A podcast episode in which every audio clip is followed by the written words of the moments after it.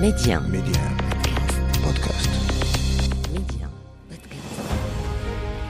يقال من لا تاريخ له لا مستقبل له والتاريخ المغربي ماض مجيد يحفل بالوقائع والأحداث أفتح معكم أنا محمد الغول كتابه وأختار لكم منه كل أسبوع صفحة من صفحاته المشرقة صفحات من التاريخ ميدي 1 محمد الغول تاريخ المغرب أهلا بكم. التاريخ المغربي يحتفظ لنا بصور بطولات مغربية وملاحم حقيقية في مقاومة الداخل والمستعمر. مهما كان هذا الدخيل أو هذا المستعمر. ولما أصفها بالملاحم والبطولات بكل بساطة لأنها هي كذلك. فمهما كان فارق القوة والعدد والعتاد بين المستعمر أو المهاجم يستميت المقاوم المغربي في الدفاع عن وطنه أرضه وعرضه. الأمثلة كثيرة جدا في طول وعرض هذا التاريخ الغني والضارب في عمق التواجد الإنساني على أرض هذا الوطن. ولديه لوحات شهيرة ومشهورة لكني دائما عند دراستي للتاريخ المغربي أتوقف عند هذه اللوحة الأقرب إلينا فهي من التاريخ المعاصر لهذا الوطن المغرب. قد لا ننتبه لها كثيرا ولكنها إشارة يتوقف عندها الدارس كثيرا. المغرب كان من أولى البلدان في شمال إفريقيا والقارة التي اهتمت بها الدول الاستعمارية الأوروبية الكبرى منذ بداية تمددها نهاية القرن الخامس عشر وبداية القرن السادس عشر. وشنت عليها في هذا الإطار حروبا وهجمات وتم الاستيلاء على عدد من ثغورها واقتطعت مناطق منها. لكن المغرب كوطن وبلد وساكنة صمد وقاوم. قاوم رسميا عندما تتقوى الدولة وقاوم شعبيا عندما تضعف الدولة. قاوم إمبراطوريات كبرى البرتغال إسبانيا العثمانيين انتصر وانهزم لكن مقاومته لم تفتر في يوم من الأيام. بعدهم جاءت قوى أخرى الإنجليز الألمان الهولنديون النمساويون والفرنسيون. في بعض الأحيان توحدوا ضده. وأشير هنا إلى المؤتمر الدولي للجزيرة الخضراء للعام 1906 والذي انعقد بهدف واحد لا ثاني له إرغام المغرب على الانحناء أمام إرادة كبريات القوى العالمية آنذاك تحت شعار خادع مساعدة المغرب على التطوير والتنمية.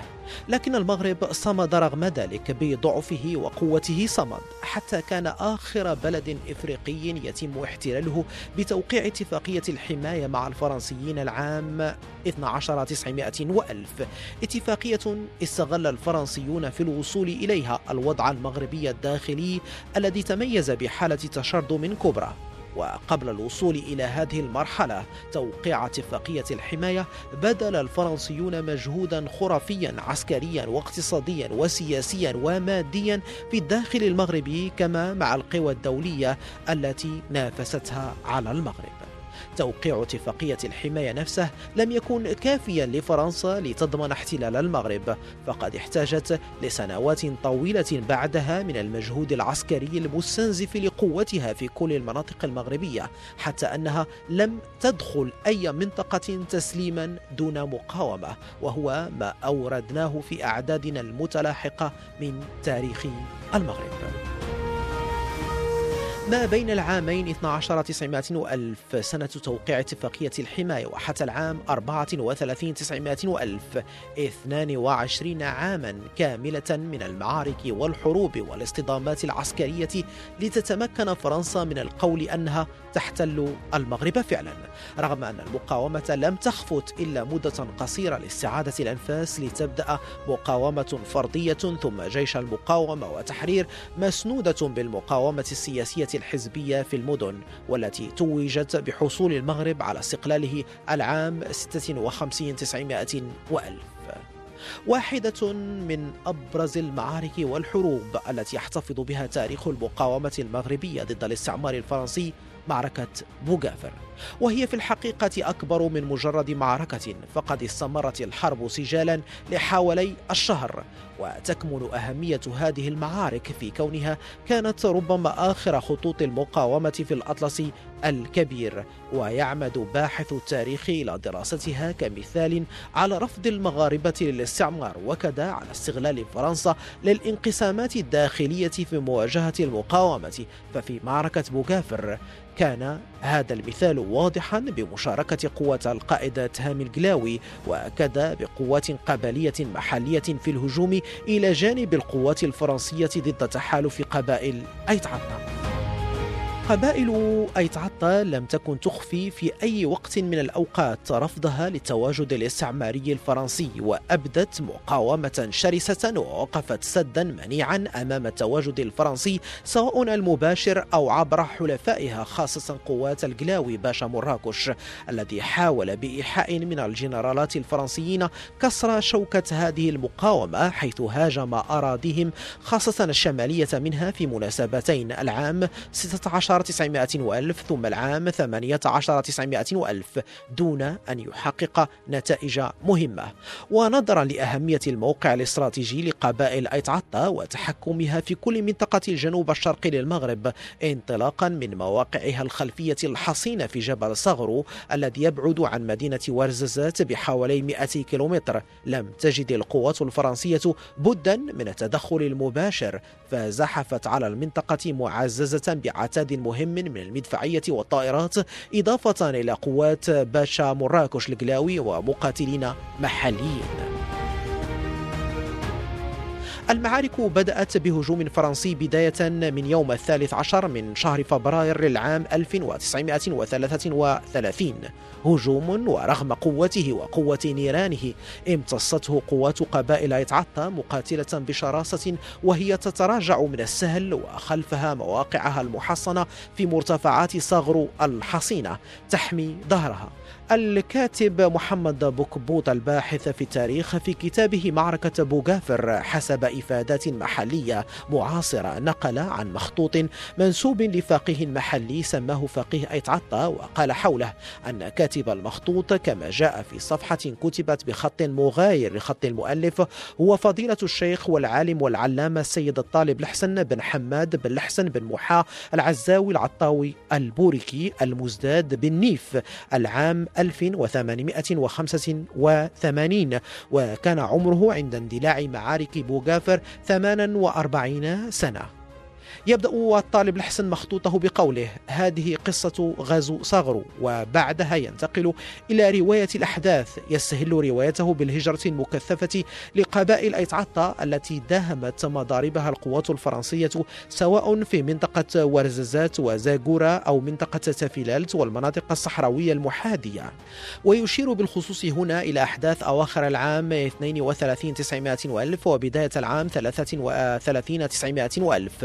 حيث نجح الفرنسيون في السيطرة على واحة تافيلالت التي فشلوا في إخضاعها بسبب مقاومة أيتعطا بقيادة مبارك بالحسين وبالقاسم النقاري في بداية العقد الثاني وطوال العقد الثالث من القرن العشرين. ويضيف أنه انطلاقا من نقاط تمركزهم في تافيلالت بالخصوص في أرفود والريساني أخذ الفرنسيون في توسيع نقطة الزيت على حساب أيتعطا سواء في اتجاه الجنوب كما الشرق والغرب. ومعروف أن المناطق المحيطة مباشرة بواحة تافيلالت منبسطة وسهلة الاقتحام ما يفسر سهولة التوسع الفرنسي فيها وعدم اصطدامه بمقاومة صلبة.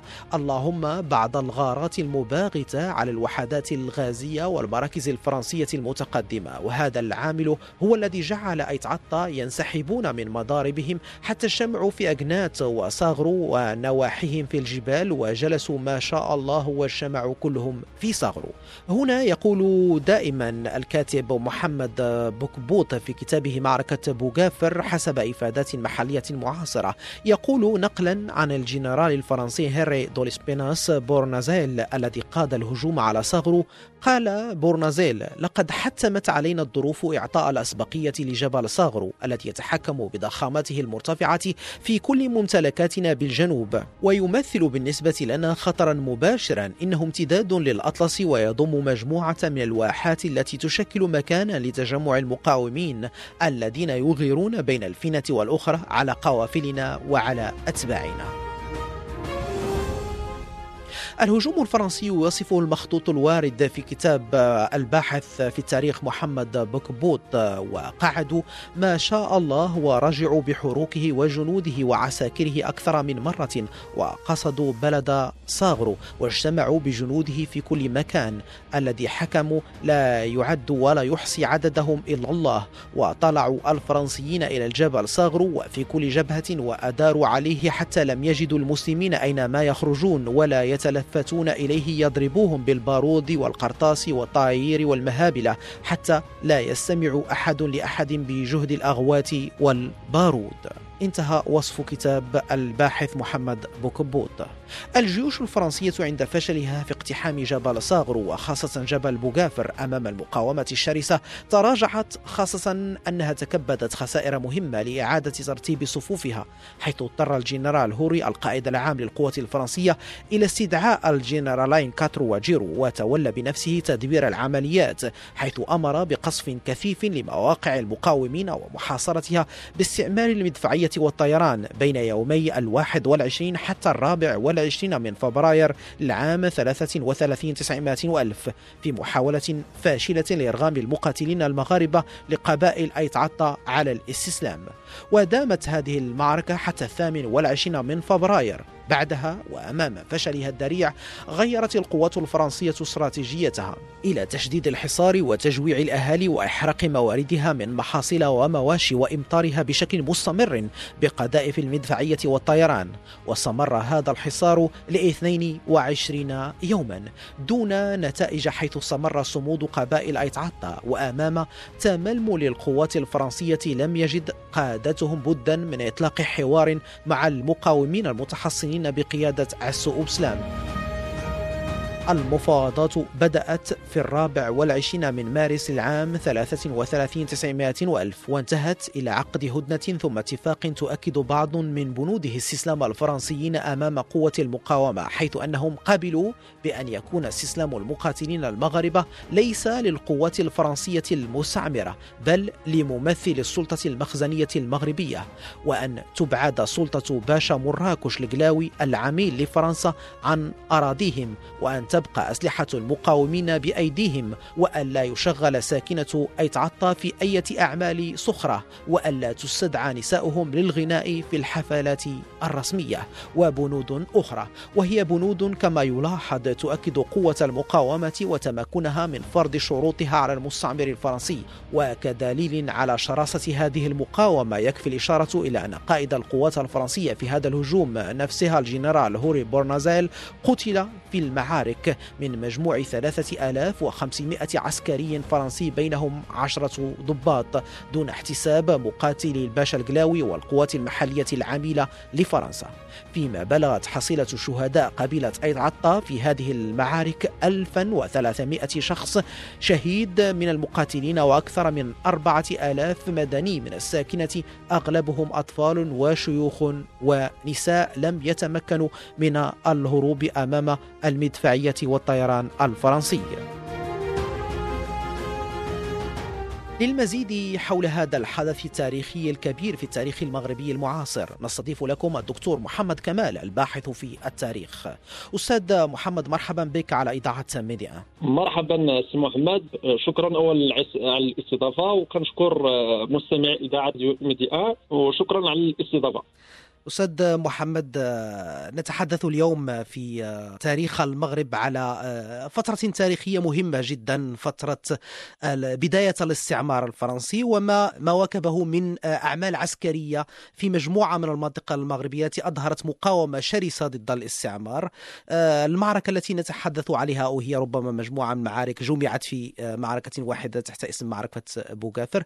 هذه المعركة هي معركة مشهودة في تاريخ المقاومة المغربية للاستعمار الاستعمار الفرنسي آه، خضعت لمجموعة من الدراسات والأبحاث بدورنا سنحاول إلقاء الضوء عليها آه، لتقريب المستمع المهتم بتاريخ المغرب من هذه الفترة التاريخية المهمة في تاريخ المغرب. أستاذ محمد ربما البداية من البداية كما يقال سنبدأ بالظروف التي سبقت انطلاق شرارة هذه المعارك أو الظروف التي أنضجت هذه المعارك سواء عسكريا أو سياسيا. وطبيعة الحال نتحدث عن معركة أبو جعفر. تفضل سمح اولا أشكرك سي محمد على هذا الموضوع. آه الذي يتناول فترة من مقاومة المغاربة للاستعمار الفرنسي. لابد أن أشير بأن المغاربة قاوموا في جميع المناطق المغربية بما اوتي من قوه سواء في الشمال أو الجنوب أو الشرق أو الغرب. وأريد قبل أن أدخل في صلب الموضوع أريد أن أشير اولا بأن آه، اتحادية ايت عطا هي اتحادية قبلية امازيغيه بالجنوب الشرقي المغربي. وللمعلومة التاريخية فهذه الاتحادية هي أول اتحادية قبلية رفعت السلاح في وجه الاستعمار الفرنسي وآخر من وضعت السلاح بحيث امتدت مقاومتهم بطبيعة الحال منذ دخول الاستعمار الفرنسي في آه، التخوم الشرقيه يعني منذ اقتحامهم للحدود المغربية الجزائرية. وامتدت مقاومتهم بطبيعة الحال منذ سنة 1088 إلى غاية 1938 آه، فيما يخص السؤال المطروح الظروف التي سبقت انطلاق معركة بوغافر سواء سياسيا وعسكريا. فأريد أن أقول باقتضاب شديد أن منذ نهاية حرب الريف سنة 1928 وجهت الإدارة الاستعمارية الفرنسية كل قوتها لإخضاع الأطلس المركزي أي الأطلس الكبير ومناطق الواحات في الجنوب المغربي بما في ذلك الجنوب الشرقي المغربي الذي يمكن أن نسميه بطبيعة الحال السامر. وذلك لأن فرنسا أرادت إتمام ما يسمى بمخطط أو مشروع التهدئة ما بين مزدوجتين.